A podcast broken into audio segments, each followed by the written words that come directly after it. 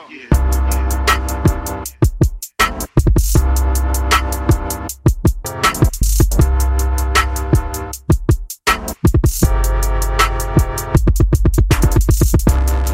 tanggal 7 Desember Si. 2017. 7 Desember, oke.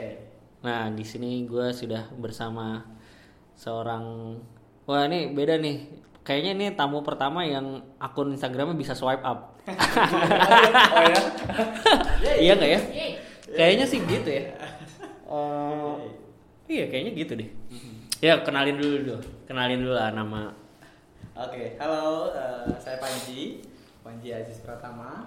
Deketan aja bro. Eh, apa nih aktivitas? Ya aktivitas. Aktivitas eh, eh, full time untuk ngurusin Isban Ban Foundation, eh, yayasan non profit yang didiriin sama anak muda di Banten buat bantu adik-adik kita yang masih kurang beruntung di pelosok-pelosok Banten. Eh, fokusnya sih ngebantu pendidikan buat anak-anak. Gitu. Hmm.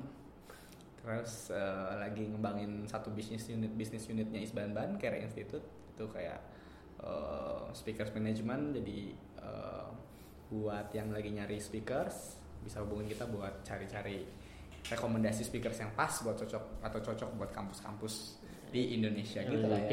Karena gitu promosi cuy. Iya sama di sini ada satu lagi juga. Hmm. Eh, sebut Halo, namanya. eh, aku Hermala. Diajaknya sama Mas Panji, kita bisa ketemu sama Mas Iqbal, keren banget. Gila gila. Iya, iya lagi sharing-sharing aja lah gua tarik ke sini. Lo kayaknya jadwal lagi padat banget nih. Asik. Asik, gila, juga kayak anak band nih. Eh, kayak kayak apa? Kayak anak band. Kayak anak band ya. Kemarin mana? Manggung. Coba, iya, jadwal manggung lo Jadwal manggung. ya, jadwal manggung ngisi-ngisi acara sih di kampus, Bang. Jadi eh, muter eh, November November yang paling parah. Eh, November itu 12 12 kali putar Hmm. ke Jambi, ke Jember, ke? Ke Jakarta, ke Bandung, Hmm. ke Jogja. Eh, jadi 12 kali ya. 12 ya 12 kali 30 satu bulan kan 30 hari. 30 hari Berarti 30 bagi 12 tuh setengahnya lah ya tiap apa? Tiap iya, tiap Seminggu dua hari sekali lu jalan ya. ya bahkan seminggu nggak pulang jadi istri menunggu di rumah Anjay. rindu lah gitu hamil lagi ya. iya iya iya Tuh. begitulah Iya, iya jadi Panji jadi Panji ini sering jadi speaker-speaker juga. Terus Hmm. kalau kayak gitu lu ngedrop gak sih? itu eh, ngedrop sih ya kita sih ngatur waktu sih gue kadang suka tidur di pesawat gimana caranya gue berangkat jam 5 subuh tapi gue harus tidur gue nggak bisa kalau misalnya berangkat jam 5 contoh Hmm. gue harus ber- harus nggak bisa tidur tuh malamnya tuh jadi gimana caranya di pesawat harus tidur satu jam full harus tidur dan ngisi jam 7 pagi itu harus udah fit lagi jadi terus nanti jam 12 nya harus pulang lagi besok paginya ngisi di di, di tempat lain jadi gimana caranya kita bisa ngambil waktu istirahat sih gitu aja sih Iya, iya. Nggak tapi selama ini belum ngedrop ya? Alhamdulillahnya enggak dan jangan sampai Iya, sih iya. gila kalau drop Iya, gua. Iya, gua soalnya gua pribadi gua masih sulit tuh ngatur-ngatur kayak gitu. kayak gitu ya su- suka ya karena gua sulit tuh eh, gua masih belum bisa istirahat di pesawat atau kereta gitu loh. hmm, hmm. Pasti nggak quality. kan mang, jadwal manggung lo lebih padat sebenarnya Enggak, enggak, enggak. Enggak, tapi emang bener maksudnya kalau undangan-undangan kayak gitu tuh biasanya Hmm. paling rame tuh di November kan. Karena semua perusahaan atau kampus-kampus Ya. ngabisin dana, Ngabisin dana. akhir tahun. Anjir, ya Dan bener. harus November Ya, karena ya, ya. Desember udah harus tutup buku. Betul, LPJ. Dan Desember nih, ya benar benar. benar. Iya, jadi banget. penuh tuh di November sih pasti. Ya. Ya, kalau gua November kan nikah. Asik, jadi pas ya. Jadi libur, libur, libur. Ah, sih. Jadi banyak- Selamat lo lagi, Pak. Jadi banyak November kemarin ya. Iya, ya jadi gua per- ketemu Panji pertama waktu di Bogor ya. Di Bogor, itu kan di ya? IPB. Iya waktu di IPB kita uh, ada acara juga dari kita kita bisa yang arrange acaranya terus kita sama-sama jadi speaker lah Hmm. waktu itu ya tapi ini sih gue mau ya kita cerita cerita aja sih Ji kalau lu dulu berarti kuliah di mana sih Di Unpad, Unpad. Jurusan Di eh, kesejahteraan sosial. sejahtera Esos. sosial oke lu dulu emang SMA di mana SMA di SMA 2 Serang. oke oh emang Gua- dari Banten Dari, dari Banten, hmm, asli. Dari sana. Terus dari SMA 2 Serang Hmm. ke Unpad. Mm, ke Unpad Waktu itu kenapa milih Unpad? karena gue nggak mau kuliah di Banten sih gue pengen coba kuliah di luar Banten artinya gue pengen coba nambah networking Oke. sama hal-hal baru kayaknya kalau di Banten lagi temennya itu lagi itu lagi gitu Hmm. Jadi gue ngerasa kayak ya udah gue pilih uh, di luar Banten apa pun mau itu UI ITB Unpad gitu ya Tapi Unpad pilihan keberapa waktu itu? Oh, waktu itu sebenarnya pilihan kedua tapi akhirnya dia diter- diterakhirkan karena gue sebenarnya tempat dulu dapat di UI bang. Di, Oh, gitu. gue masuk ke fakultas hukum. Cuma gara-gara gak ada duit terus gue gue cancel lah itu SNMPTN undangannya dan eh, Maksudnya nggak ada duit untuk masuk bayar iya. Udah lulus pangkal iya gua udah lulus terus uangnya kayak mepet banget. Emang emang gue nggak punya duit banget dulu cuma pengen niatnya doang kuliah gitu. Nah. terus harus bayar sekitar berapa juta gitu. Terus gue mikir aduh nggak jadi deh gitu Eh, daripada uangnya nggak ada untuk bayar uang pangkal ya sudah. Akhirnya gue lepas gue daftar SNMPTN tulis dengan harapan bidik misi gue dapet. Oke. gitu. Kalau beasiswa bidik misi kan gratis tuh 4 tahun ke daftar UGM gue daftar UGM gagal mampus lah akhirnya. Gue daftar terakhir di Unpad jadi dapat lagi. Unpad. Tapi eh, si Kesos itu pilihan pertama. pilihan pertama karena gue suka sosial walaupun gue anak IPA ya dulu ya Oh, lu anak IPA dulu. anak SMA Kenapa lu akhirnya milih kesejahteraan sosial? gila gue gara-gara satu kejadian itu khusus gue pernah masuk olimpiade fisika Oke. terus gue ngerasa kayak anjir gue salah salah jurusan gitu waktu SMA Ah.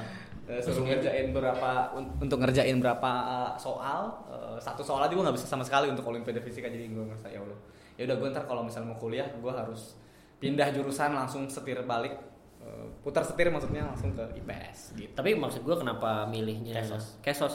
Maksudnya nggak hukum, nggak apa gitu. Eh, om, waktu waktu SMA gue ngebangun nih sok-sokan sih waktu SMA ngebangun gue gue masuk osis intinya gue masuk osis di sekolahan Oke. karena gue dulu orangnya kuper banget waktu SMP jadi gue masuk osis sengaja biar bisa public speaking I Tuh see.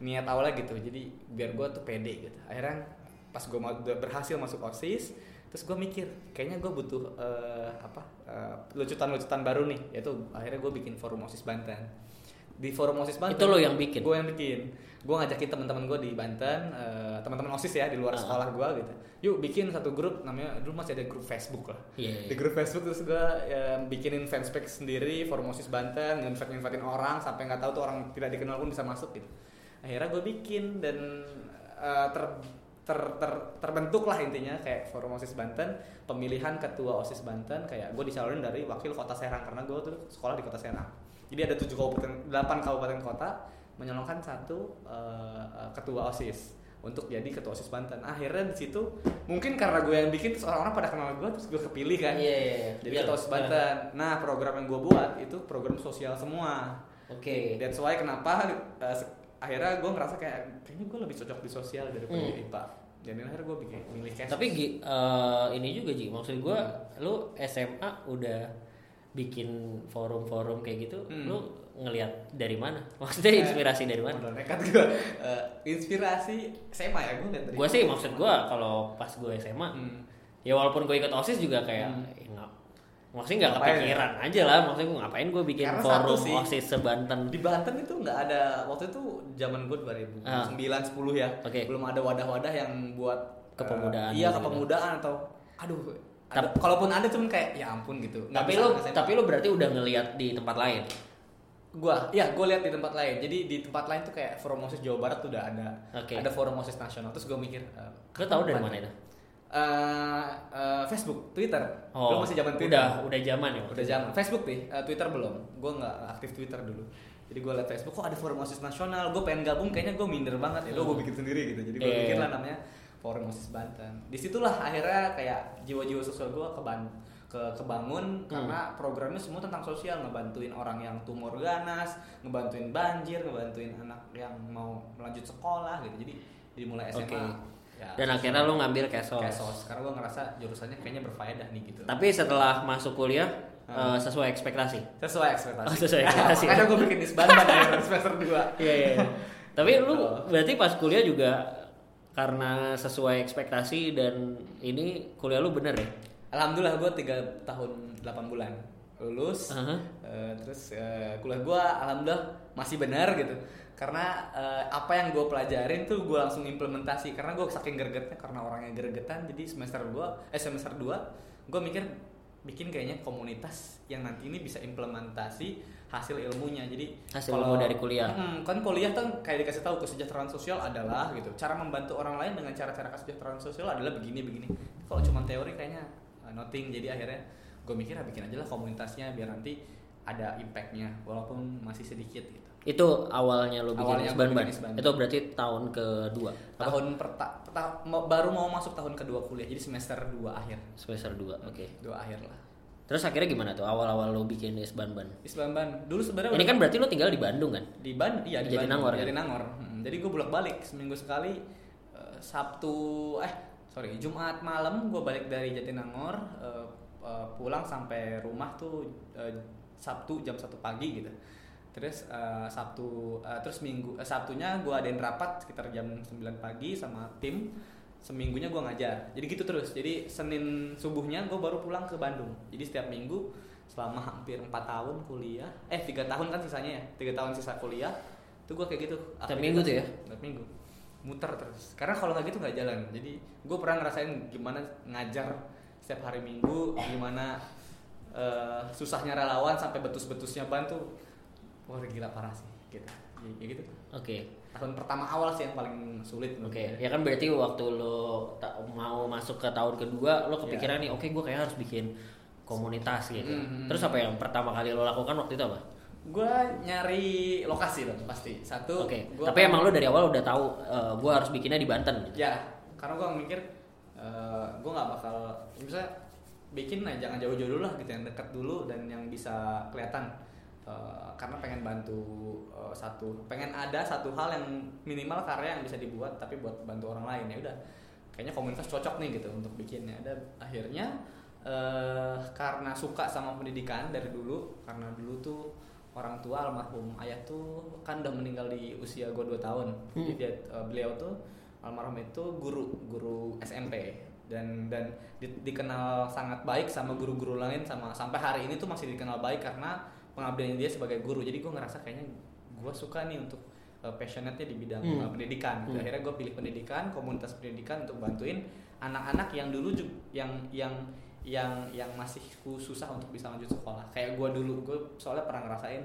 susahnya beli buku paket gitu sampai gue akhirnya terancam untuk tidak bisa masuk SMP karena nggak ada uang gitu harus minjem utang sana sini tapi ya gitulah jadi intinya bikinlah satu hal yang ngebuat kira-kira gimana ya biar gue yang dulu tuh nggak kejadian sama anak yang sekarang Hmm.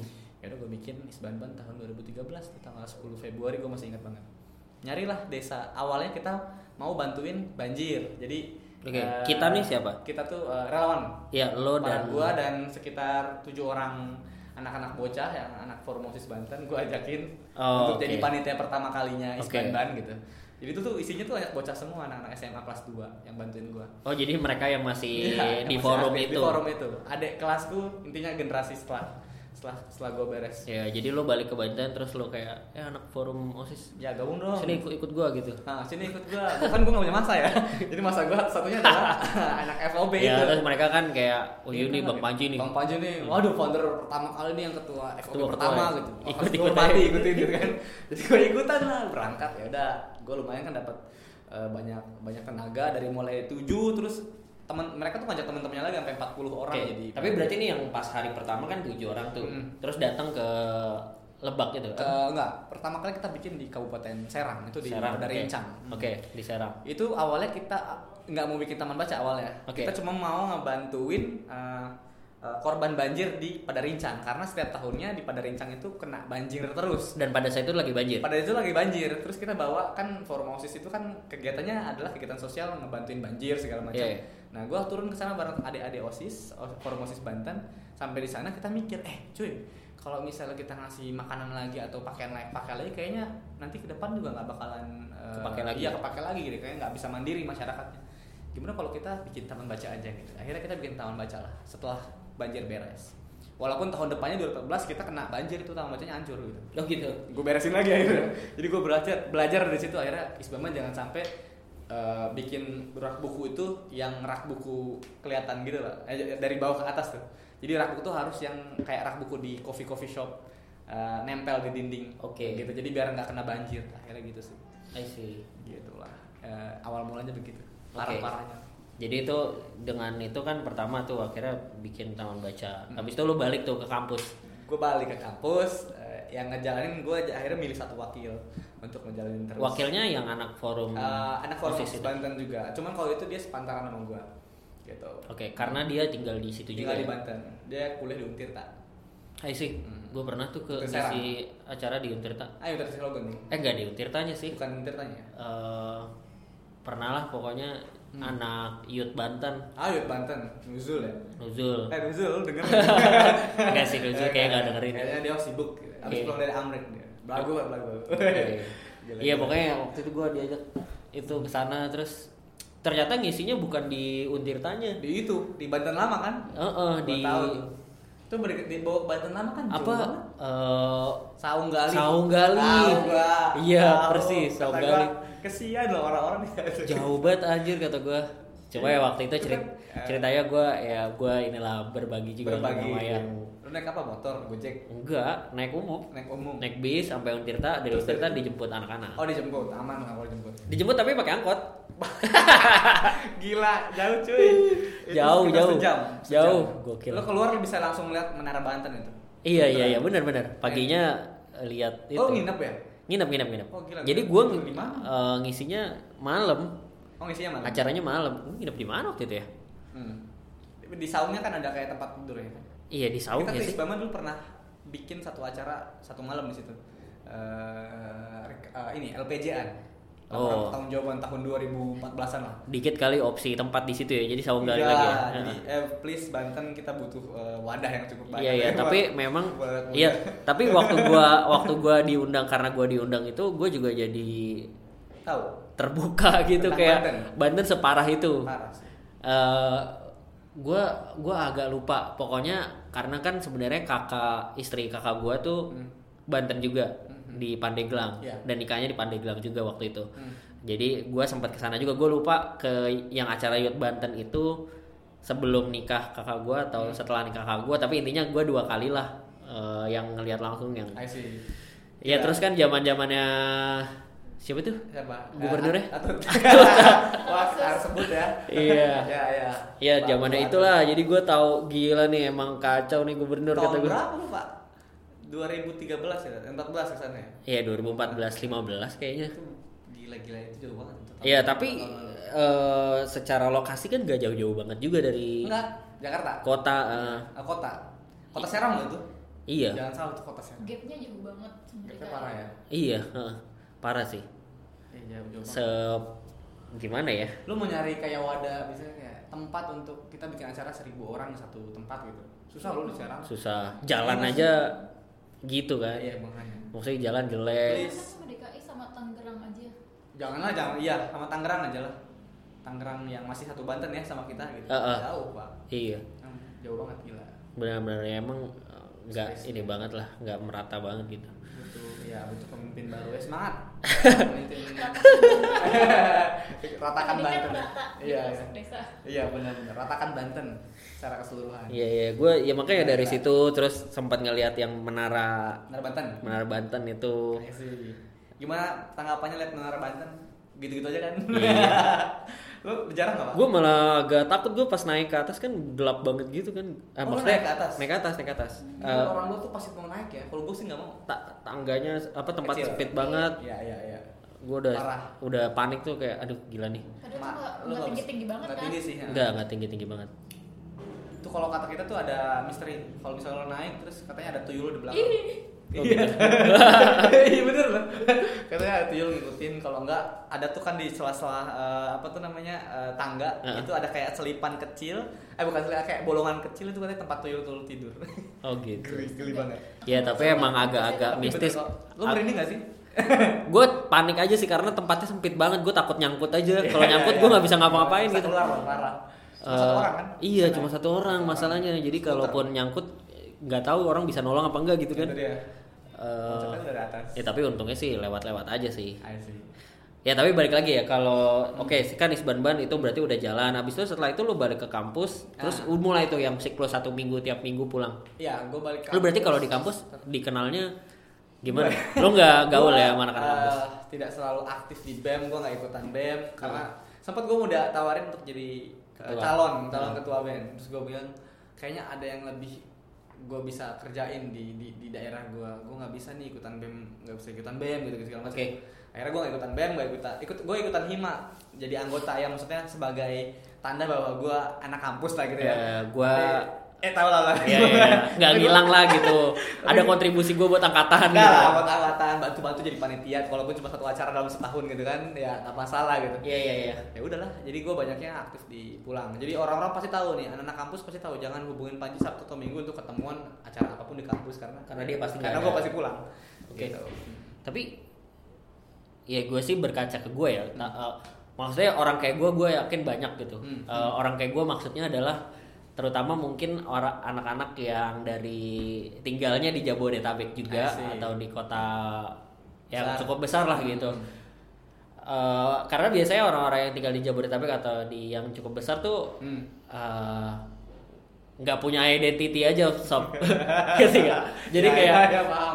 ke, ke daerahannya tuh nggak ada gue nggak Lu mau balik sebagai orang Bekasi kan? iya maksud gue maksud gue gini kayak kalau lu kan ya lahir di gue nggak tahu lahir di mana ya. lahir di. Banten tinggal uh, besar di Banten Hmm. bisa ngomong Sunda gitu kan Bisa. ada bahasa di luar bahasa Indonesia yang lu kuasai gitu jadi lu Oke. punya sebuah identitas punya akar gitu Ah. jadi ketika ada pilihan ah, gue kayaknya harus uh, melakukan sesuatu Hmm. lu punya pilihan ya gue punya akar nih gue balik ke akar gitu I see. Nah kalau kayak gue, eh gue nih nggak punya, Bekasi ya? iya, dia gue dari kecil di Bekasi. Orang tua gue eh, nyokap kan dari Kalimantan, tapi Wush. kakek nenek udah nggak ada Hmm. eh, dari lama. Terus nyokap tuh anak pertama Oke. dan udah tinggal di Bekasi gitu. Jadi kalau Lebaran juga kita nggak akan ke sana. Hmm, hmm. Eh, tante-tante gue atau om-om gue yang ke sini gitu. Hmm, hmm, Terus bokap juga dari kecil di Jakarta hmm, hmm. eh udah nggak ada keluarga juga gitu jadi nggak pulang kampung ke mana-mana pokoknya udah kalau Udah. udah di Bekasi gitu dan Bekasi kan nggak punya identitas apa apa maksud gua Ya, Eh, ya. gua juga hitungannya Sunda gua nggak bisa bahasa Sunda Oke. gua orang tua gua Kalimantan gua nggak bisa bahasa Kalimantan Karena lu tinggal dan besar di Bekasi. tinggal dan besar di Bekasi aktivitas sering di Jakarta, Jakarta. gitu jadi kayak nggak punya identitas Ah, aja oke, gitu kan oke, oke. dan banyak banget orang kayak gua yakin gue yakin gitu Hmm. nah tapi konteksnya kalau di kampus kan akhirnya kayak ketika disuruh milih oke Hmm. nih lu mau ber apa sih istilahnya beraktivitas atau berkarya di mana? Hmm. kayak gue mau balik ke daerah gue gue ngapain juga gue balik ke daerah gue gitu. Nggak ada ikatan di daerah gue juga kayaknya walaupun ada ya tapi Iya. kayak gue nggak nggak merasa ada yang perlu dibangun gitu. Kayak ya udahlah di kampus aja gitu kan. Tapi kalau konteksnya lu kan lu jadi punya pilihan yang clear ya. Waktu itu lu lu menurut lu lu keputusan lu clear atau lu sempat galau Eh, lu milih oh, gue mau balik ke Banten. Eh, di kampus aja apa di Banten? Sempet sempet galau karena gue mikir eh, kayaknya gue bisa kembangin diri di kampus bahkan lebih besar lagi. Tapi gue mikir lagi kalau gue kembangin diri di kampus lebih besar lagi mendingan gue ambil networking kampus buat gue kembangin di Banten gitu. Hmm. jadi gue pikir gue pikir balik eh, sudut pandangnya jadi ya udah akhirnya gue ambil networking yang gue dapetin di kampus dari mulai pelajaran yang gue dapetin di, di di kelas sampai ke dosen networking ke gu- ke, ke banyak orang sampai cara-cara kampus besar untuk ngembangin anak mudanya gitu atau Hmm. siswanya. Dan itu kan yang gue ambil. Oke. Gitu. Karena di Banten kayaknya terlalu minim ya hal-hal kayak gitu. Jadi apa nih yang pengembangan kepemudaan gitu-gitu ya? Iya jadi kayak kurang greget kalau bikin acara kepemudaan tuh di Banten apa 2013 ya. Aduh kalian juga bisa lihat lah. Kayak ma- eh, yang mempionirkan sebuah social movement tuh belum ada gitu. Hmm. kalaupun ada paling kayak cuman bakti sosial untuk korban banjir. Itu lagi itu lagi itu ya lagi. gitu-gitu doang lah ya. Gitu-gitu doang. Jadi ini Isbam itu kayak eh, lahir dari kegergetan anak-anak muda yang kayak eh kayak kita bikin yang lebih inovatif dong gitu yang lebih gigit gitu. Kalau kata kita yang lebih ngegigit eh, eh, eh, gerakannya gitu. Oke. Akhirnya ya udah kita bikin lah. Jadi eh, akhirnya dibikin Isbanban apa sih Isbanban itu Istana Belajar Anak Banten Oh, gitu. Jadi itu- Kenapa namanya gitu? singkatannya kayak nama gula-gula sih. iya kayak nama es krim gitu Iya, es krim lebih lucu buat anak kecil ya kalau Oh. kita kayak ketawa gitu. Eh, Iya, itu sebenarnya kalau Istana Belajar Anak Banten itu gua eh, ada beberapa temen, ada catur, gua mulia gitu ngobrol satu tempat ngobrol bareng-bareng eh kita bikin taman baca yuk namanya apa ya? Istana Bintang apa? Bukan jangan jangan Istana Belajar aja tapi ujungnya apa ya? Anak pelosok jangan jangan anak Banten karena kita mainnya di Banten. Harapan kita ada di seluruh Banten. Banten gitu kan? Ya udah Istana Belajar Anak Banten. Itu singkatannya apa? I B A B. Kalau I B A B kalau dibalik apa? Ini kan bahaya kan? Jadi akhirnya isbanban lah. Nah, itu yang bikin bukan gua jadi ya, isbanban yang agak agak aneh awalnya Iya. cuman ya Tapi udah. ya udahlah ya gitu. tapi lama-lama orang juga makin Kebiasa. familiar makin kebiasa jadi makin diingat sih harusnya Nah. gitu Oke, jadi setelah oke nama Isban-ban. Hmm. Habis itu gimana tuh? Yang kegiatannya waktu itu yang setahun pertama tuh gimana? pertama sangat amat tradisional semuanya jadi mulai eh, konvensional ya maksudnya Gimana sih, Ji? Gua nggak pernah. eh, gua personally gua bukan di kampus juga gue bukan tipe yang mau tangan gua kotor. I see. Anjir. ya ya ya, ya. Iya. tangan bersih ya Iya iya, Ta- maksudnya Sebentar, kayak ya kan? ya gue bikin konsep Ya, gitu-gitu ya, loh ya, kayak. ya, ya. Tapi kalau yang turun ke lapangan gitu, gue nggak terlalu tertarik sih. apalagi lo harus hujan-hujanan gitu kan Iya. Ya. kayak gitu-gitu. Gimana sih? Ah, pertama kita ya Heeh. pertama mulai kita eh, kayak kan datang nih ke kampung. ke datang ke kampung Terus ke mana dulu? ke rumah Pak Ustadz Ke rumah Pak Ustadz. Pak Ustadz A- itu- Atau peng inilah apa? Alim ulama Oh, eh, baru pertama kali kita nih Heeh. datang itu kita ke Pak Lurah Pak Lurah. Iya, Oke. karena ki, ki leadernya dia jadi kita datang Tapi lu tahu kili dari Pak Lurah dari siapa? dari insting gua yang kedua dari materi kuliah sih Oh gitu. jadi ambil tuh Jadi ini itu apa namanya? aplikatif kan aplikasi apa tuh? Teorinya waktu itu apa? Ya, intinya gue harus tahu sistem uh, sumber. Sistem sumber itu siapa orang-orang yang bisa mensukseskan uh, project atau social movement lo di satu di satu daerah. Berarti kalau gue turunnya di kampung, berarti gue harus tahu lurahnya siapa, Pak RT-nya siapa, terus siapa tokoh masyarakatnya. Yang di Gue petain tuh hormati yang gitu. dihormati. Gue petain. Oh, lu tuh bener-bener nulis waktu itu. Gue tulis tuh semuanya. Gokil. Lurahnya Bapak Selamat gitu kan. RT-nya Pak ini uh, Ustadz. Terus tokoh masyarakat ternyata Ustadz banyaknya. Iya, iya, Dan gue ambil satu Ustadz yang paling berpengaruh karena banyak anak-anak yang ngaji di dia setiap malam dan Hmm. setiap subuh. Berarti kalau gue bisa deketin si Ustadz, anak-anak bisa gue bisa, bisa gue ambil dong buat Iya, gue iya. ajarin gitu kan. Kalau Pak Lurah kan emang common sense lah ya, Common maksudnya dia ya. eh, pemimpin di situ. Hmm. Kalau Pak Ustadz hasil dari ngobrol. Hasil dari ngobrol. Pak, di sini biasanya aktivitas masyarakat ngapain sih? Oh Hmm. ngaji banyaknya karena Islami banget tuh. Kampungnya. Ketika ngobrol sama Pak Lurah, awalnya bilangnya gimana? Uh, Pak, Pak Lurah itu btw itu bapaknya uh, bapaknya adik kelas gue yang di Formosus Banten. Oh, Jadi oke. gampang banget. Jadi terbantu lah ya. ya. terbantu lah ya. Jadi ini bukan yang out of the blue banget. Ya, Oke. ya. Jadi kebantu terus dia bilang hubungannya Pak Bapak Bapak ini gitu. Eh, Bapak eh, Ustadz Pak Ustadz ini gitu. Itu gue datang uh, ngobrol sama Pak Ustadz Ke rumahnya tuh. ke rumahnya. Rumahnya ya masih kampung lah ya. Gimana sih rumah kampung tuh uh, bilik gitu. Iya, iya, Uh, iya. Tanahnya juga masih ada tanahnya gitu. Uh, masih pakai tungku, api gitu. Iya, iya, Ngobrol-ngobrol sampai kita harus nginep jadi kita harus deep gitu. Deep Nginep di Pak nginep Ustadz? di Pak Ustadz. Karena biar kita tuh mendalami apa Iya. yang dia rasain, apa yang dia lakuin setiap harinya sampai di akhir gue baru ngasih tahu tuh kalau tujuan besar gue adalah pengen bikin taman baca. Tapi awalnya bilangnya ke Pak Ustadz gimana? Pak Ustadz kenalin Pak, saya Panji. Panji kita dari mahasiswa, mahasiswa cuy. Oke. Ini bahasa jadi mahasiswa tuh Jadi, gampang diterima. nah. Oh mau KKN? Iya pak, kita ngomongnya iya dulu. Iya pak, kita mau KKN gitu. Waktu itu bertujuh itu. Ber, enggak itu cuma berempat kita nginep. Oke, berempat. Kita Ah. berempat orang kita nginep. Udah Gimana, gimana? Bilangnya gitu. gimana? Terus akhirnya Pak, kira-kira kalau di sini anak-anaknya ngapain ya Pak? Gitu kalau setiap hari. Oh kalau maghrib ngaji di bapak, nanti ikutan ngaji aja. Jadi kita ngaji bareng. Hmm. Oh gini ya gitu. Tapi pokoknya dia suportif lah ya. Suportif. Ujung-ujungnya gue bilang kayak gitu. Tapi ada sedikit, tentu tuh ada sedikit uh, uh, perspektif lain dari masyarakat di sana. Kalau kita itu kan turun pakai jaket warna biru ya. Oh, lu pakai jaket waktu itu? Gue pakai jaket udah jadi tuh jaket Isban warna biru. Terus kata Oh bukan pakai jaket alma mater. Bukan, jaket Isban Ban udah ada. Oh, udah ada. Kita bikin jaket-jaketan gitu, warnanya biru, birunya cerah gitu kan. Eh, kayak biru kita bisa lah ya. Iya, iya. Birunya begitu. Partai. Terus dikira partai. Oh, gitu. Ini partai yang biru itu ya gitu kan. Oh, gue bilang, "Ah, partai yang biru." Dulu 2013 partai yang paling biru adalah partainya presiden kita gitu kan.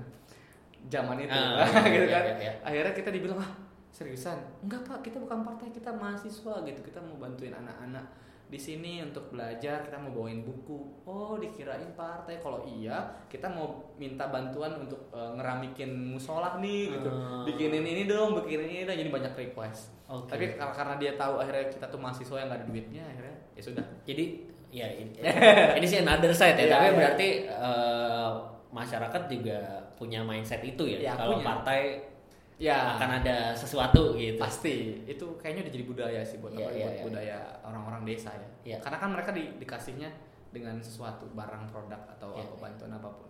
Oke Gitu oke. sih. Oke, terus dikira partai akhir eh dan nginep akhirnya sama Ustadz. Iya. Di situ apa yang lu temukan? Em, Itu nginep itu satu kali.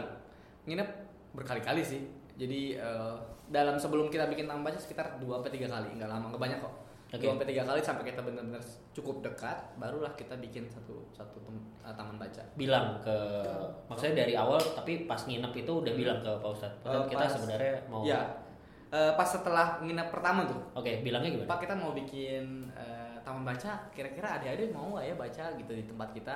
Terus eh, buku bacaannya kita paling kita donasi dari donasi gitu. Di sini udah data perpustakaan belum belum ada gitu Mas Panji. Ya udah kalau kita bikin taman baca boleh nggak Pak? Oh boleh boleh dia bilang. Mulai kapan? Kayaknya bulan depan deh Pak gitu. Akhirnya menuju bulan depan kita nginep sekitar dua kali lagi Hmm. untuk memastikan untuk menguatin lagi sampai akhirnya kita launching di 10 Februari 2013 itu masyarakat datang semua tuh kayak misalnya satu kampung tuh datang semua kayak Oke. ngeramein. Jadi sebenarnya waktu itu dibikin apa? Emang bikin bangunan atau Eh, kita numpang di salah satu ruangan madrasah punyanya Pak Ustadz itu oh punyanya Pak Ustadz ini? makanya kan akhirnya kita kebantu jadi kita nggak bikin bangunan nggak bikin bangunan Tapi bikin rak-rak kita bikin rak-rak buku yang tadinya tuh eh, ruangan tengahnya itu kayak misalnya masih banyak bangku yang reot segala macam kita keluarin dulu Hmm. kita cat semuanya di warna hijau kuning merah terus kita kera ah, nggak keramik kita kita karpetin Uh-huh. sampai kita beliin eh, buku bacaan dan juga lemarinya Oke. Jadi intinya Dan buku bacaan itu apa aja waktu itu lo? buku dongeng buku eh, buku membaca tapi semuanya yang full color dan eh, visual Iya, iya, anak bocah ya Ya. gitu jadi akhirnya datang lah rame mereka jadi intinya ada aktivitas setiap hari minggu kita belajar dan mengajar di situ. di situ Dan waktu itu ada launchingnya. launchingnya putus eh eh, eh, gunting pita Tapi ada upacaranya gitu loh. Ada Maksudnya ada upacaranya. acaranya. Itu lu ngundang masyarakat. masyarakat gitu? Pak Lurah yang yang sambutan pertama kedua sambutan eh, pembina ketiga sambutan gua pas gua pas sambutan gua gua bilang ibu kita akan satu tahun di sini mengajar setiap hari minggu dengan PD-nya ya. Hah. hari minggu kita akan datang bu.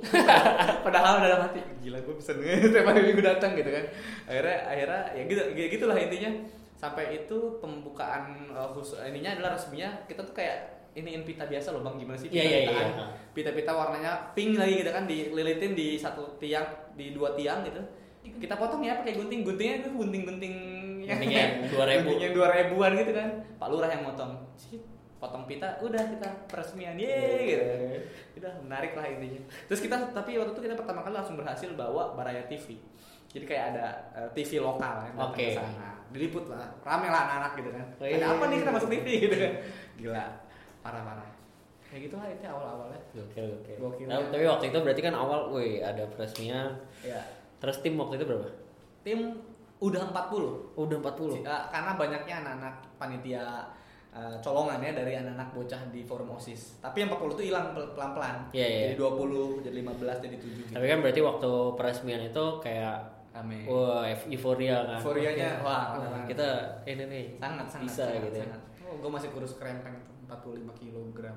Gila, gila. Terus setelah itu baru tuh mulai ngajar. baru mulai ngajar. Bulan minggu depannya, bulan minggu depannya barulah ngajar. Di komitmen di awal untuk ayo kita hari minggu datang ya. Gitu. Oke. Oh masih 10 orang yang ngajar. Minggu depannya lagi, eh 9 Minggu depannya 5 Minggu depannya lagi, ada yang mau ngajar nggak gitu? Kok capek ya kalau lama-lama gitu? Karena kan jauh, dua jam dari kota ke ke, ke kampung bolak balik gitu naik motor. Belum lagi kalau misalnya hujan becek, belum lagi masuk ke pelosok. Itulah komitmennya yang akhirnya di di di di, di, di, Seleksi di- lah ya. seleksi gitu. Tapi lama-lama ya paling bertahan 5 sampai 6 orang untuk ngajar. Hmm. Itu sih. Apa sih yang diajar? Eh macam-macam. Kita lebih banyaknya tambahan belajar sih. Eh, bimbel gitu, bimbel tambahan buat anak-anak anak-anak bocah ini yang di kampung kalau nggak ngerti pelajaran yang di SD. Jadi kalau gurunya udah ngasih, biasanya banyaknya kita lebih konsultasi PR sih. Heeh. Konsultasi PR. Terus yang kedua Lagi ada kita- PR apa gitu? PR matematika, kak ini tadi nggak bisa ngisi yang ini dong, gimana caranya diajarin gitu. Hmm. Terus yang kedua kita lebih ke eh, ini apa namanya seni sih. Kita ngajarin kayak eh, bikin eh, lilin-lilinan, Kerajinan. jadi- kerajinan tangan gitu, jadi strawberry strawberryan. Sampai kita yang terakhir adalah kita ngedorong mereka untuk gimana caranya mereka nggak takut buat bermimpi sih itu. Jadi Hmm. mereka kayak suruh ngegambarin di kertas kosong. Kalau nggak dikreasiin dengan cara-cara yang lebih unik gitu, bikin pakai eh, apa tuh eh, apa tuh namanya eh, tiang eh tiang apa buat es krim tuh gagang es krim gitu cara dibikin jadi kayak saya mau bermimpi jadi dokter digambarin dokternya ya lebih sebenarnya sih lebih hal-hal yang lebih non teknis kayak di luar jam ah, mata pelajaran ya gitu lebih banyak kita nemenin mereka main sih kalau hari minggu Hmm. karena banyak pem- banyak hal yang mereka belum pernah dapetin di sekolah dibandingkan eh, ketika kita datang gitu. Jadi kita ngasih metode pengajaran yang baru, lebih fresh, lebih kreatif, Menyenangkan. lebih menyenangkan itu sih. Sampai akhirnya kita tinggal satu tahun kita ngajar di sana, kita terminasi itu bahasanya. Mereka nangis, oh jangan pulang gitu. Eh, kita masih pengen main lagi setiap hari. Jadi yang mereka ingat adalah mainnya gitu. Ah, ah. Karena sebenarnya emang masa-masa mereka main gitu kan. Ya. Gitu sih. Gitu lah. Menyedihkannya itu sih. Kita harus meninggalkan mereka yang super duper lucu itu. Sampai ada yang mau ikut pulang ke rumah aja kak, saya mau namanya Dais gitu. Dia tuh pengen, dia tuh ini ada cerita sih. Ya ya. Di satu kampung itu di Sukamojo pertama kali eh, di akhir sebelum kita terminasi mau pelepasan desa, gue tanya sama satu anak namanya Dais. Dais itu anaknya kecil, eh, cantik, dan umurnya eh, sekitar 8-9 tahun, kelas 3 SD. Dia itu anak dari tuk- tukang bakso yang sering kita jajanin baksonya kalau lagi pulang ngajar. Jadi gue baru tahu itu bapaknya Dais gitu. Dan pada akhirnya satu hari gue nanya, Dais mimpinya mau jadi apa sih gitu? Eh, satu, Dais punya mimpi ada tiga kapan sih? Oh apa? Uh, pinter banget nih anak. Jadi juara satu terus di, di sekolah. Hmm. Yang pertama dia pengen jadi petani yang sukses dia bilang itu karena mau jadi petani sukses bisa bantuin bapak ibu. Yang kedua pengen jadi ustazah. Kalau bisa jadi ustazah nanti Dais bisa bantuin bapak ibu tapi di akhirat dia bilang gitu. Hmm. Wah pintar banget. Yang ketiga apa Dais? Kalau yang ketiga Dais pengen makan es krim ke Panji. Dia, Hah? Kok makan es krim? Iya soalnya kalau misalnya Dais nonton di di di, di rumahnya teman-teman Dais, Dais suka nonton iklan es krim terus Dais belum pernah makan es krim sampai sekarang. Jadi sampai sesedih itu. Kita ngerap jadi Dais belum pernah makan es krim sampai kelas 3 SD gitu. Iya belum pernah kapan sih? Mau kapan sih beliin es krim sekarang? Emang boleh kapan sih? Enggak nggak repot kapanjinya enggak kok walaupun kita sampai 10 km bolak-balik 20 Hmm. kilo ya Hmm. ke Alfamart atau Indomart di sana gitu ya udah kita bela-belain pulang dulu kita ke daerah kota balik lagi bawain es krim is nangis setelah kita kasih es krim dia bilang kapan sih aku pengen es krim rasa singa ya gitu. Tahu nggak rasa singa? Iya. pedal pop. Ya itulah. Iya, di iklan lah ya, kan Iklan ya. di iklan. Ah, jadi dia lihatnya kan di iklan. Ini yang ini yang rasa es krim rasa singa ya kapan sih ya? Iya ini yang rasa singa yang yang Dais mau kan? Iya jadi akhirnya dia kayak oh makasih kakak kakak Isban ban karena kan anak-anak yang beliin anak relawan. Dari situlah akhirnya kita baru tahu bahwa ternyata mimpi anak-anak tuh mulia-mulia semua bahkan sampai mimpi yang sesimpel itu gitu. Hmm. jadi itulah alasan kita untuk tetap bisa bertahan buat mereka gitu. Sampai akhirnya eh, pelepasan desa dan Dais paling orang yang paling kejar nangisnya kalau kata gitu. Hmm. yang paling nangisnya tuh nggak mau berhenti berhenti karena mungkin punya personal story sama kita ya. Yang es Gitu krim lah. itu ya. Mm, mm, mm, mm, yang es krim tadi. Ya, simple itulah orang pengen es krim. Gitu anak-anak bocah. Ya, tapi kalau buat lo ya nggak tahu ya. gu- eh, gua rasa lo pasti punya personal story juga ya. Maksudnya way before Iya Isban-ban gitu. Mm, mm, Kenapa akhirnya lo tetap bikin isban ban bikin Isban-ban dan tetap jalanin itu? ya itu the way of story-nya karena gua eh, eh, apa lahir dari keluarga yang bukan siapa-siapa di desa waktu kecil gua mau sekolah SD SMP itu setiap bulan masih ada SPP dulu ya. Hmm. setiap bulan tuh ibu gua tuh kayak ngutang ke tetangga untuk membiayain gua sekolah. Sampai akhirnya utangnya menumpuk di usia gua lulus mau SMP jadi sampai hari itulah gua ngerasa kayak untuk sekolah tuh susah. Untuk bayar buku paket karena ibu gua tuh waktu semenjak ditinggal meninggal sama ayah di usia 2 tahun jadi ibu gua tuh potong apa eh, usahanya adalah cuma potong rambut dan rias pengantin sekadar itu gitu untuk ngebiayain gue beli buku paket yang 50.000 ribu aja eh, satu harga potong rambut kan 5.000 ribu. Jadi harus ada 10 orang yang dipotong rambutnya untuk dapetin eh, satu buku paket gua gitu. Hmm. jadi sampai sesulit itu untuk untuk sampai nyepalin gue sampai tinggi sampai hari ini gitu.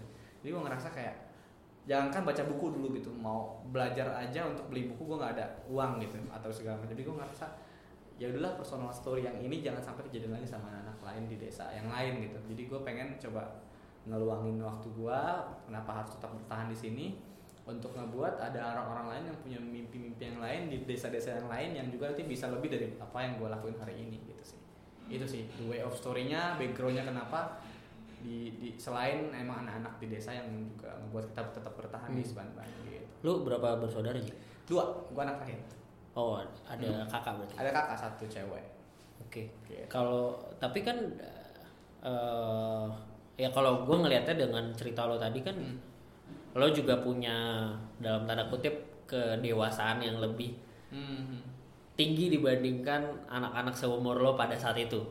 Saat itu ya. Oh iya iya. Atau ya wawasan yang lebih Hmm. luas juga kan maksud gue sampai lo kepikiran di zaman SMA bikin forum Hmm. siswa dan lain-lain eh, Iya, influence lo dari mana? Lo rajin baca buku atau apa? Gue dari mana ya? Dulu tuh SMA tuh gue suka buka-buka eh, sosial media, suka is- Facebook kan dulu mas zaman Nah, Facebook. Facebook. Dulu udah kayak macam pertama kali yang gue buat gue ngeliat kayak anak muda tuh harus punya potensi tuh pertama gue liat salah satunya Iman Usman tuh gue liat. Oke, Eh, zaman itu masih zaman itu IFL. Iya IFL ya. IFL tuh orang Indonesian banget, Future Leaders. Future Leaders bikin Parlemen Muda Indonesia. Ya. Gue itu perwakilan Banten bang. Jadi gue Oh, gitu? Gue gue datang jadi Itu yang pertama nggak sih? Pertama kali. Ah. Jadi yang pertama kali untuk ngumpulin eh, kayak vote, vote tuh harus foto terus diupload ke Facebook terus dihitung sama si IFL berapa ribu gue vote-nya. Gue dapat 2000 vote gitu lah. Pada saat itu lo SMA. SMA kelas 3 SMA. Oh, karena memang IFL buat SMA ya. Iya, enggak buat buat semua anak muda. Buat semua, Sampai oke. yang Harvard juga ikutan yang udah lulus S1, S2 juga ikutan. Terus gue kayak modal nekat aja, gue ikutan uh, uh, Parlemen Muda Indonesia 2012. Uh, vote gue tertinggi kedua nasional. Berarti kan akhirnya gue juga vote pertama di Banten. Jadi gue juga ada saingan tuh di Banten ceritanya. Berangkatlah gue jadi wakilnya Banten ceritanya. Jadi kayak Parlemen Muda Banten 2012. Terus gue kayak ngasih tahu isu uh, apa yang di Banten lagi hot gitu kayak pendidikan dulu masih ngerame tentang jembatan putus bang Oke. ah yang di Yang yang, di lebak itu Lebak ya. Ah, itu yang gue angkat uh, di uh, Parlemen Muda Indonesia jadi semua pada ngarah ke sana Banten masih jelek segala macam pendidikannya udah dari situ juga akhirnya kepikiran apa yang bisa gue lakuin daripada gue cuman ngemukain pendapat gue tentang masalah Banten mendingan gue bikin solusi Hmm. akhirnya pas gue kuliah lahirlah si Isban Ban. mungkin sebagai solusinya semoga gitu Oke. Terus dengan Isban Ban kan jalan ya. Hmm. Maksudnya jalan. Terus tadi lo bilang ya di awal pasti euforia banyak gitu kan 40. pasti sih pasti Habis itu seleksi sampai Kayak hari gitu. ini tuh masih Heeh. dan dan semua volunteer kan. Semua volunteer? Iya, tidak ada yang dibayar? tidak ada yang dibayar, tidak ada benefit khusus? khusus Tidak ada. maksudnya tidak mentereng juga Nah. gitu nggak nggak di nggak didatengin gubernur nggak apa. Sampai hari ini nggak pernah ya, ya di ya. Banten anyway gitu maksudnya Ya, kalau ya, orang ya. mencari pamor mah nggak ada gitu ya. Tapi lu gimana menjaga atau akhirnya bisa membentuk tim yang bisa bikin Bisa terus ini jalan. jalan, terus Eh, sejujurnya gue tiap tahun pasti selalu ada namanya eh, apa recovery team. Karena eh, volunteer itu kan anget-angetnya harus tetap dijaga ya. Eh, dan itu yang paling menurut gue itu fase yang paling sangat kritis kalau kita mau terus jaga volunteer. Eh, gimana caranya orang kayak Hermala bisa tetap join di Isbanban orang kayak eh, XYZ bisa tetap di Isbanban gitu gimana cara kita tahu sih pertama kondisi si si si, si orang itu atau si tim kita. Kondisi dia tidak bisa dipaksakan lagi ya sudah. Tapi kalau kondisi dia eh, masih tetap bisa join di Isbanban eh, segala macam kondisinya lebih eh, rasanya dia akan jauh lebih baik kalau misalnya dia tetap di Isbanban ya gue akan terus pertahankan segala macam. Eh, sampai kita harus tahu sebenarnya sisi-sisi personalnya setiap orang di tim. Jadi ya kita kalau mau ngomong juga tahu gitu eh, kondisi dia lagi sedih apa lagi galau atau lagi senang sih. Kan nggak mungkin kita minta bantuan sama orang itu tapi dia nggak nggak nggak lagi nggak baik untuk di segala macam. Jadi intinya personal approach-nya harus lebih dekat sama tim. Itu sih yang buat sampai hari ini. Walaupun memang tantangan terbesarnya di, di dunia kevolunteeran adalah tim. Hmm. iya nggak sih? Ya betul. Orang gitu SDM yang paling besar itu. Karena kita nggak bisa eh, tidak pernah bisa memaksakan setiap orang di dalam satu tim Iya. untuk tetap ada di sini yang paling bisa mereka rasakan adalah bagaimana mereka tetap bisa nyaman di tim gitu. Hmm. dan itulah yang menjadi tantangan terus buat kita gimana cara tetap bisa nyaman segala macam walaupun tantangannya pasti banyak sih tiap tahun tuh ada aja pasti ada aja Iya. naik turunnya ada Iya benar karena kan kegiatan volunteer itu ya senjatanya cuma itu tapi senjatanya nggak bisa diikat gitu kan maksudnya Iya, iya. tidak bisa diprediksi Iya, lah benar, gitu. iya. Nggak bisa diprediksi senjatanya cuma mereka tapi mereka juga kita nggak bisa kantongin terus aja gitu. Iya, kita nggak bisa Iya. memastikan dia ada di situ Iya. terus kan. Kalau dia tiba-tiba hilang juga kita nggak bisa. Iya. Lu udah eh gimana ya dia cuma Iya. ngatain kayak kan gitu kan Lu kok hilang gitu kayak Ya, lu, lu kenapa Iya. gitu kan Nggak ada ikatan kan juga gitu kan. aja gitu Heeh. relawan itu dari hati kan berarti kan yang kita sentuh hatinya sih sebenarnya I see. gitu jadi ya tapi tadi lu lu sempat mention, ya gue curious nih jadi. Lu sempat mention tadi kan sebenarnya ya segimana nyamannya si volunteer sama kita sehingga dia bisa kerja. Iya. Tapi ketika pada saatnya dia lagi sedih Hmm. atau lagi nggak bisa diganggu lah gitu Ah. punya masalah ya kita otomatis nggak bisa memaksakan dia Iya, kan iya, dia iya. untuk bekerja Hmm. atau melaksanakan tugas ya. Iya. Tapi kalau buat lu hmm? gue sendiri kalau lu lagi, lagi down, galau lagi punya down. masalah, nah, itu tuh yang paling penting Eh, ada sih eh, beberapa orang dalam satu tim yang juga paham. Eh, misalnya gue lagi nggak baik kondisinya entah lagi ada masalah atau apa ada aja yang sudah sangat eh, saking mungkin saking seringnya kita bareng-bareng jadi tahu di mana saat Panji Aziz beda sama Panji Aziz bisa tetap eh, jalan gitu. Misalnya kok ini kayaknya Panji lagi nggak fokus deh ini kayaknya Panji lagi ada masalah kali jadi ada orang-orang yang sudah sangat paham gitu. Eh, salah satunya eh, eh, istri gue kan dulu juga di di di di Isbanban gitu. Eh, dan dia salah satu yang juga tahu paham. Dan banyak orang-orang yang di Isbanban juga sudah sangat paham. Jadi ketika ya gue nggak minta dimengerti sih sebenarnya tapi ketika volunteers itu sudah sama-sama saling eh, paham secara tidak langsung tuh kayak ada teori namanya teori teori eh, engagement gitu loh. Eh, lu kalau saling pegangan tangan terus satu orang pegangan tangannya udah agak lemes tuh ada yang tahu nih eh dia ini lagi lemes gitu. Iya nggak? Di, dikencangin lagi gitu. Nah Hmm. makanya akhirnya gue tuh punya teori kayak eh, respect itu salah satu hal yang jadi kekuatan utama dalam sisi volunteerism. Jadi respect bahkan gue sampai bikin respect itu kayak ada eh, eh, singkatannya R E S P E C T. Respect itu reminder empati special powerful eh, engagement eh, collaboration sama trust. Hmm. kalau ke hal respect tadi tuh bisa tetap dijaga menurut gua volunteerism akan tetap kuat sih. Salah satu aja misalnya trust hilang gitu. Eh, itu Goyang. biasanya gaya goyang gitu. Karena pengalaman sampai hari ini tuh kita masih terus pengalaman. Gimana Hmm. cara kita tetap bisa menjaga trust? Bagaimana kita tetap bisa reminder ada yang eh, ada yang udah nggak mau mohon lagi nggak mau nggak ogah-ogahan lagi gitu Iya. lah akhirnya kita tarik lagi dia untuk tetap ada. Itulah volunteerism tuh all about tentang respect sih Hmm. menurut gua ya Iya. gitu sih Kalau buat lo pribadi selain tim, Hmm. hmm, ya hal apa lagi yang bikin lo tetap bisa jalan? Eh, tetap bisa jalan Ya atau kayak ya kan pasti ada masa oh tentang tim ya gitu. oke Kan hmm. kalau tadi kan didukungnya sama tim, misalnya lo Hmm. lagi down, ya tim ada yang Ya. support.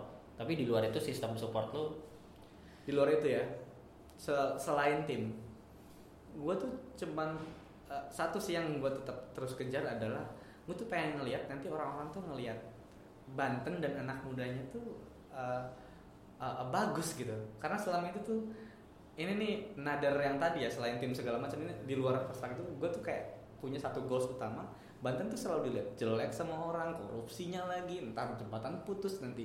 Nanti kemarin tuh ada yang viral tuh gara-gara eh, ada ada kasus-kasus segala macam Kayaknya jelek-jelek Eh, mulu. jelek-jelek mulu lah pokoknya entar Banten mengalami buta huruf banyak bang gitu. Ah gitu.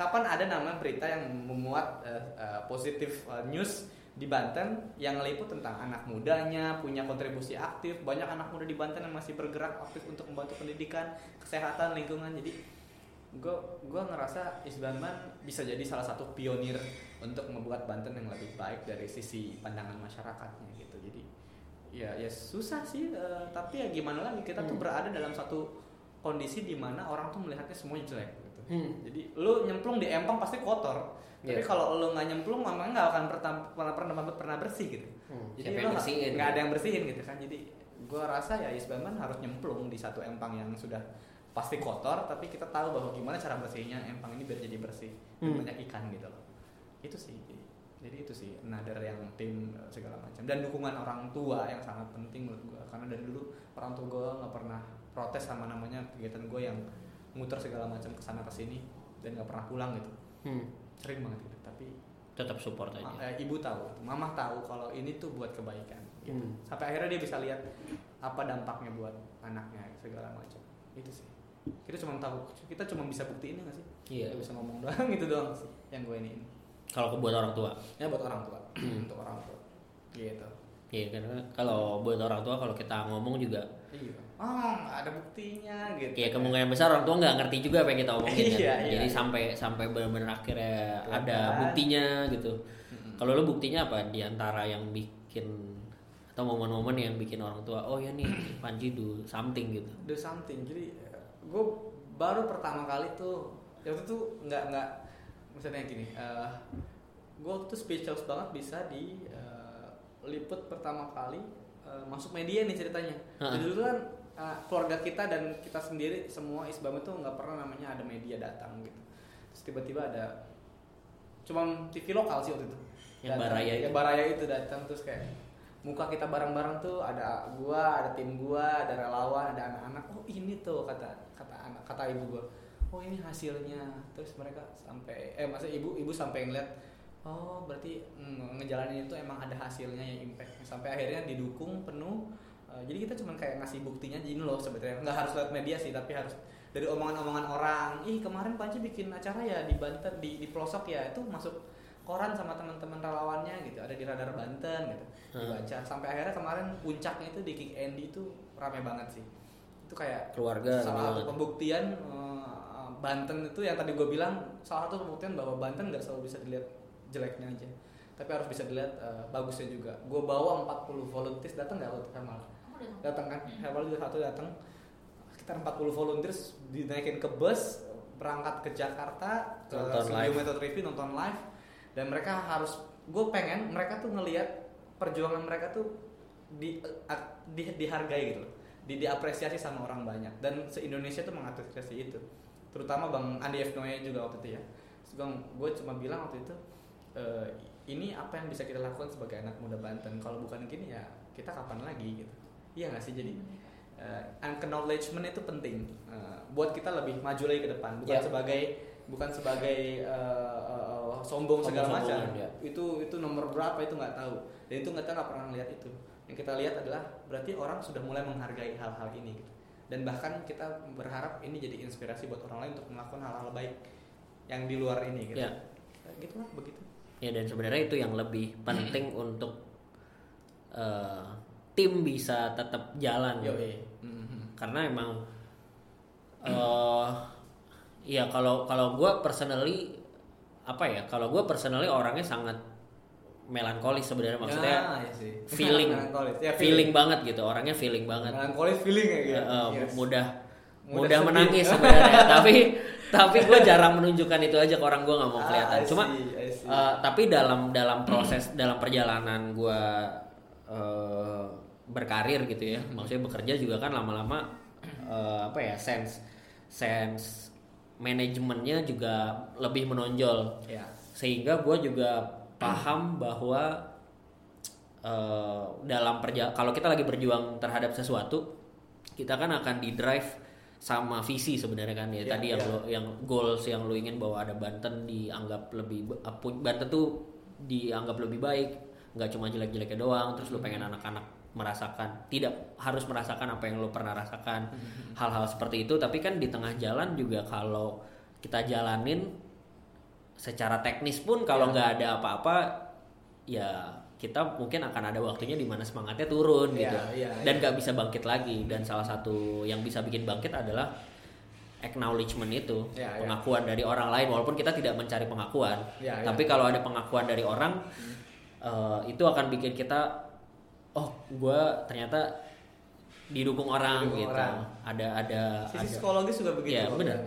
Iya jadi Orang memang dihargai pasti jalannya mau nggak mau memang kalau makanya kalau dalam organisasi memang mau nggak mau harus ada orang juga yang eh, perlu fokus mencari ya di mana kita bisa cari acknowledgement ini gitu Ya, ya, ya. apakah itu dari publik di sosial media apakah itu dari media Hmm. Eh, intinya orang tahu bahwa ada ada sesuatu yang kita lakukan dan ini yang kita lakukan Hmm. dan orang bisa support gitu ya ya Nah, tapi kalau ngomongin itu, kalau selama ini uh, Ban berjalan kan volunteer, Ya. tapi kan pasti ada operasional dan lain-lain itu dari mana selama ini? Eh, semua full donatur semua ya eh, operasional segala macam. Jadi sampai saat sejujurnya sampai hari ini kita belum punya full timer ya sih? Full timer atau part timer lah ya. Hmm. nggak ada sama. Belum ada.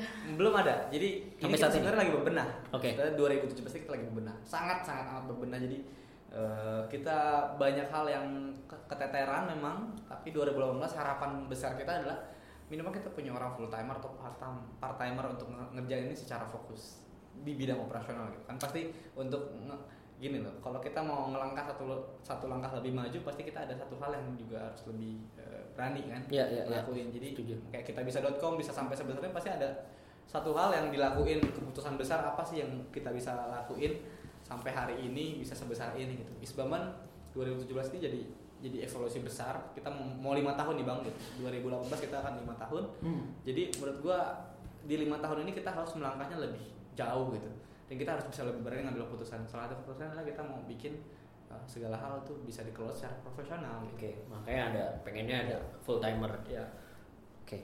Kalau berarti kan sekarang udah punya badan hukum yayasan. sudah ada Kalau pas awal kan komunitas tuh 2013.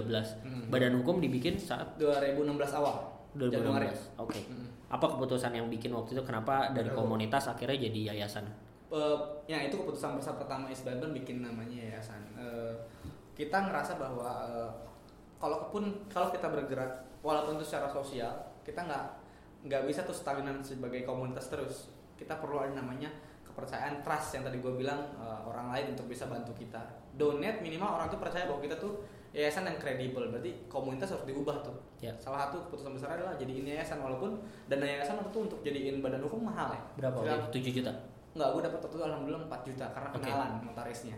Dapat 4 juta tapi 4 juta buat seorang komunitas gitu kayak kita itu kayak ngerasa 4 juta itu bisa bikin satu program loh untuk anak-anak biaya Bisa berapa lemari gitu. Berapa lemari yang bisa kita beli tapi gue mikir ini lebih worth it gue lakuin karena ini buat masa depan Isbaman. Inov ya visinya kan ke Iya. depan harus lebih bagus sih. Jadi akhirnya ya udahlah ini kita jalanin walaupun 4 juta akhirnya kita walaupun nggak bisa bikin program selama dua bulan ya nggak apa-apa tapi kita ke sini ke sini akan lebih dipermudah dan orang lebih percaya ketika orang lihat ini yayasan sosial udah ada badan hukumnya dan ada akta notarisnya ya, aman. Dari sana apa? Kalau secara Impact. tadi bisa eh, impactnya, kalau donasi yang besar misal atau ada hibah, Eh, semenjak kita ada di yayasan akhirnya eh, donatur personal lebih eh, eh, trust lagi yang kedua lebih banyak sih lebih banyak akhirnya kita, ketika kita bikin campaign kita ganti namanya dari tadinya Isbanban doang jadi Isbanban Foundation Oke. di situ brand di Jadi lebih brand kredibel. ya Ah. kan kredibel oh Isbanban Foundation kalau orang udah lihat foundation berarti dia udah ngeliat ini trustnya berarti, berarti bagus nih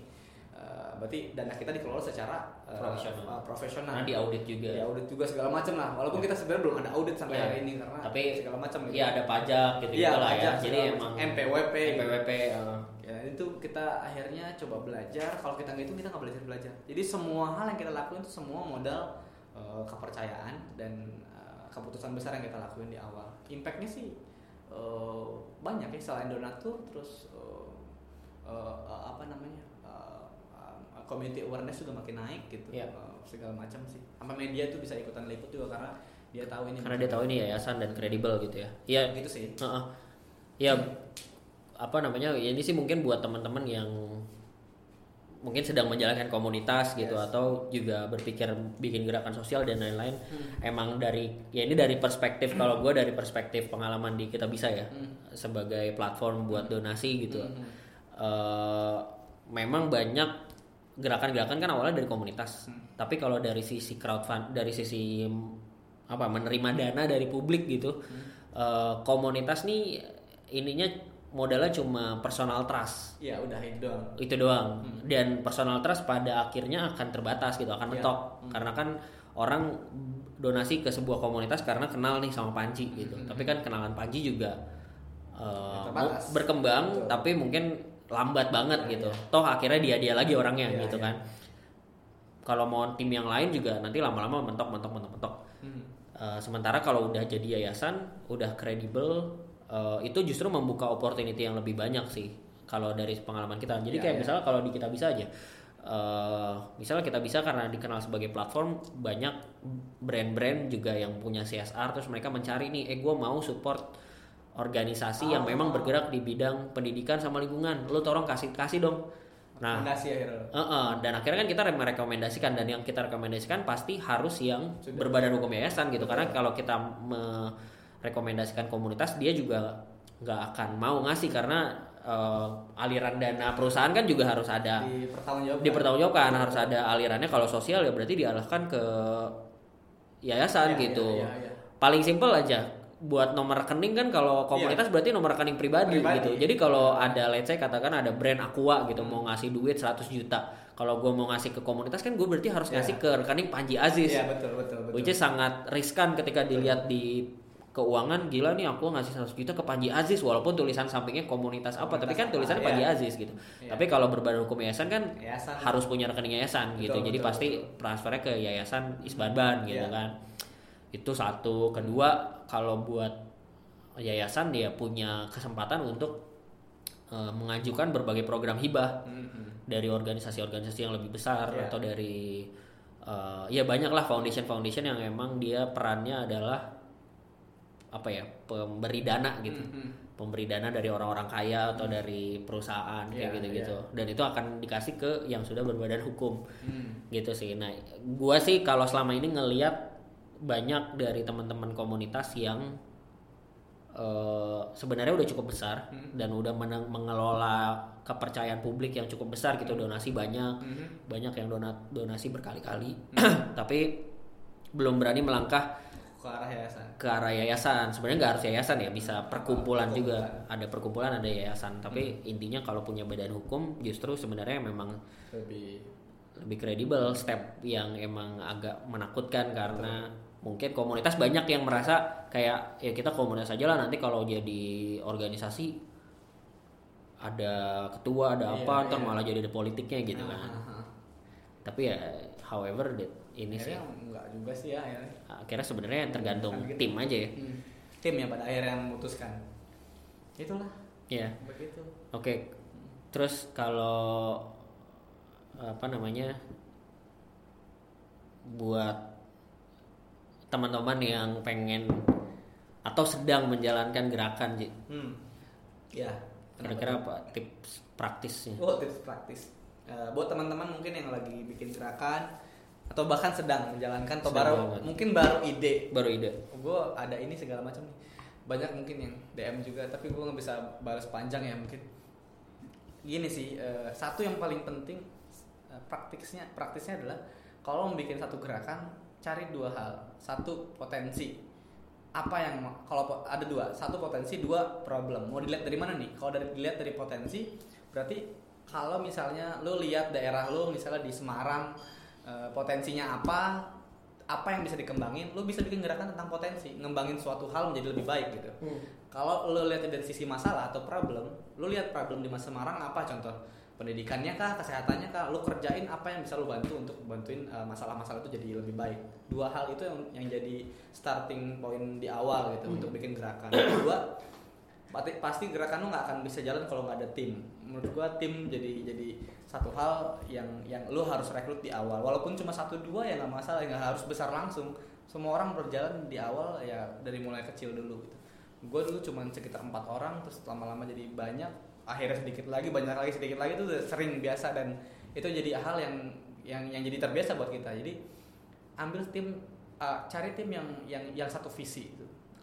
kalau visi lo untuk bantu pendidikan di di di, di daerah urban area atau di daerah perkotaan gitu ya cari orang-orang yang juga satu visi di situ. Yang ketiga sih take actionnya sih yang harus jelas gitu.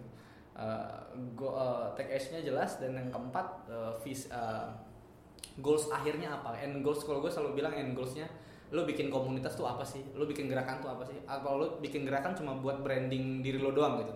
Atau Buat personal nambahin branding, CV. nambahin CV atau lo mau bikin atau bahkan gini lagi lebih mirisnya lah untuk nambahin CV yang kedua adalah untuk uh, daftar-daftar apply beasiswa yang harus ada uh, founder of lalalala gitu. Jadi menurut gue itu agak miris. Jadi jangan sampai uh, hal itu jadi kepentingan pribadi yang akhirnya ngebuat organisasi jadi jadi jadi jadi jadi goyang gitu bahkan itu bukan kepentingan uh, publik tapi ini malah kepentingan pribadi jadi uh, please lah kalau bikin gerakan natural dan itu tuh gerakannya by movement yang Hmm. dilakuin dengan hati dan berdasarkan untuk menyentuh hati orang-orang lain gitu untuk bisa bantu gerakan lo jadi lebih besar gitu. jadi percayalah kalau semua dilakuin dari hati di awal niat lo baik di awal pasti ntar akhirnya juga bakal baik gitu sih Sedap. mantap Terakhir Ji, Hmm. kalau besok Mhm. Lo jadi menteri pendidikan, Bujus. Menteri pendidikan. dan cuma dikasih waktu satu bulan. Satu bulan, cuy. Apa tiga hal yang lo pengen ubah dari pendidikan Indonesia? Tiga hal. Hmm. Kalau tiga hal ya. Bentar, gue mikir. Ya, boleh, Gak berat, cuy. Tapi harus dijawab sekarang nih. Ah, Oke, gue gue gue jawab sekarang. Hmm, tiga hal yang harus gue yang gue harus ubah. Yang bisa Yang bisa gua ubah. Lo punya slot nih. Pokoknya lo bisa ngubah tiga kebijakan. Tiga pendidikan kebijakan. Indonesia. Apa yang mau lo ubah? Gue gue satu, gue yang paling gue rubah pertama kali sebelum gue rubah. eh, eh, bahkan ini keputusan besar gue. Kalau gue jadi menteri pendidikan terus gue harus rubah tiga hal. Yang pertama, gue akan coba bikin eh, education vision dulu buat Indonesia. Karena Indonesia sampai hari ini belum punya blueprint cuy gitu. Blueprint Belum pendidikan? punya- nggak ada blueprint pendidikan di Indonesia tuh masih masih masih nggak masih wacana sampai hari ini masih sangat wacana jadi gue harus bikin visi pendidikan Indonesia 2000 dari 2000 eh, berapa tahun ini 2017 sampai 2000 misalnya 2030 gitu Oke. jadi langsung loncat Yang biar nanti panjang. ketika ganti menteri gue bukan lagi gue Tetap bisa ada ininya. tetap ada yang lanjutin Tapi kira-kira apa ininya? Eh, Ah, ah, isinya, isinya. satu yang gue mau perbaiki adalah tentang eh, ke- ke- ketimpangan eh, pendidikan daerah kota dan di, Oke. di pedesaan pelosok. Karena lu mau eh, jor-joran mau mengembangkan pendidikan di Indonesia kalau misalnya daerah desanya masih sangat eh, jatuh gitu, pendidikannya kayaknya nggak akan naikin indeks eh, pertumbuhan Indonesia gitu Oke. ke depan. Yang kedua yang gue mau eh, rubah adalah tentang kualitas guru. Ini penting. Karena lu lu lu kalau misalnya lu dulu nasibnya adalah belajar di pelosok desa lu kayaknya nggak bisa nih di kitabisa.com mungkin gitu ya. Hmm. Kalau nggak ada orang yang bantuin lu untuk sampai Iya. sini gitu. Jadi menurut gua kualitas gurunya eh, itu juga harus eh, benar-benar bisa nge-support eh, perkembangan seorang anak untuk bisa belajar. Terus yang ketiga yang paling penting adalah aksesnya gitu. Gimana pendidikan ini bisa bisa berkembang di Indonesia kalau misalnya aksesnya nggak berkembang dengan baik. Eh, anak bisa mengakses pendidikan dengan baik, misalnya bisa mengakses buku, guru juga termasuk akses menurut gua. Terus eh, bangunan fisik sampai ke networking yang dia bisa ambil dari dari sebuah pendidikan itu sebuah akses. Jadi tiga hal itu sih yang gua akan coba ubah, rubah dan menjadi lebih baik pengennya sih buat Indonesia yang lebih baik. Sedap. Mantap coy. Iya. Gimana? Pak Jokowi udah oke. Baca udah oke belum? Belum ya? Oke, jangan Pak. Menyesal nanti kalau ambil saya. Oke, Iya, iya. ya terakhir nih sebelum ditutup, lo mau apa nih?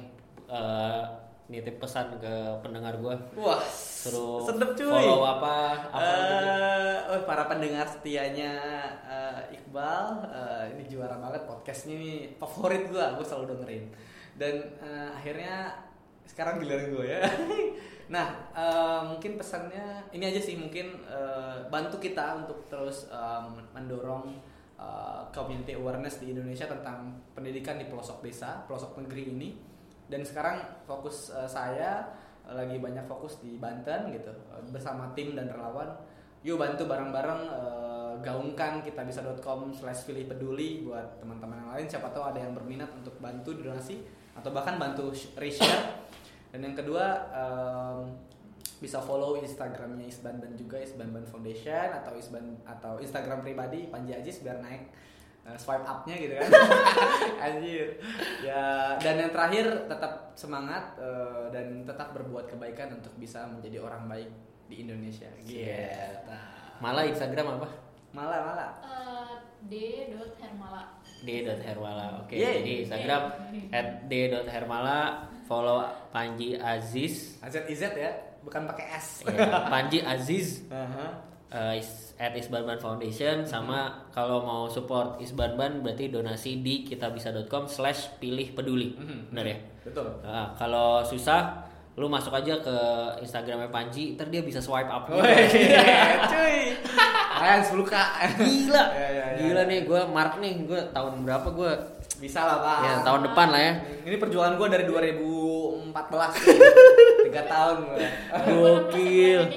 Naiknya cepet. Sih, 2016. banget. 2016 sampai 2017 gila apa kuncinya kuncinya masuk ke Candy 3000 Ya. gue oh gitu ternyata followers gue naik 3000 gara-gara Dari Kick Kick Andy ya? Gokil. gara-gara iya itu doang sih Gokil. dari, dari gue dari dari dari 4000 akhirnya jadi 7000 tiba-tiba terus dari 7000 kan gampang tuh naiknya. Iya dari 7000 otomatis. Otomatis banyak yang follow kan online shop gitu. Iya. minimal enggak lah banyak akhirnya. Sampai akhirnya gue muter ke speaker speaker di kampus-kampus kan juga pada nambah follow. terus. Sampai kalau 10 k followers gue bakal follow back akhirnya bener. Kejadian. Sedap sedap sedap. Ya udah itu ya kita bisa.com slash pilih peduli. Peduli peduli ya. Eh, ya kalau menurut lo episode ini worth worthy dan menurut gue sangat valuable ya buat lo yang jalanin gerakan-gerakan gitu gokil lah. Mantap gue mah selalu bawa tamu gokil. Eh, gokil lah. Eh, ya nge-tweet ke gue at Iqbal HP atau enggak eh, screenshot terus Insta Stories di at Iqbal HP juga mention gue apalagi Instagram gue at Iqbal HP kalau mau email ke iqbalhp@gmail.com Yoi. Eh, ya udah kayaknya. Ya don't forget please be subjective. Bye. Bye bye. Be subjective. cuy.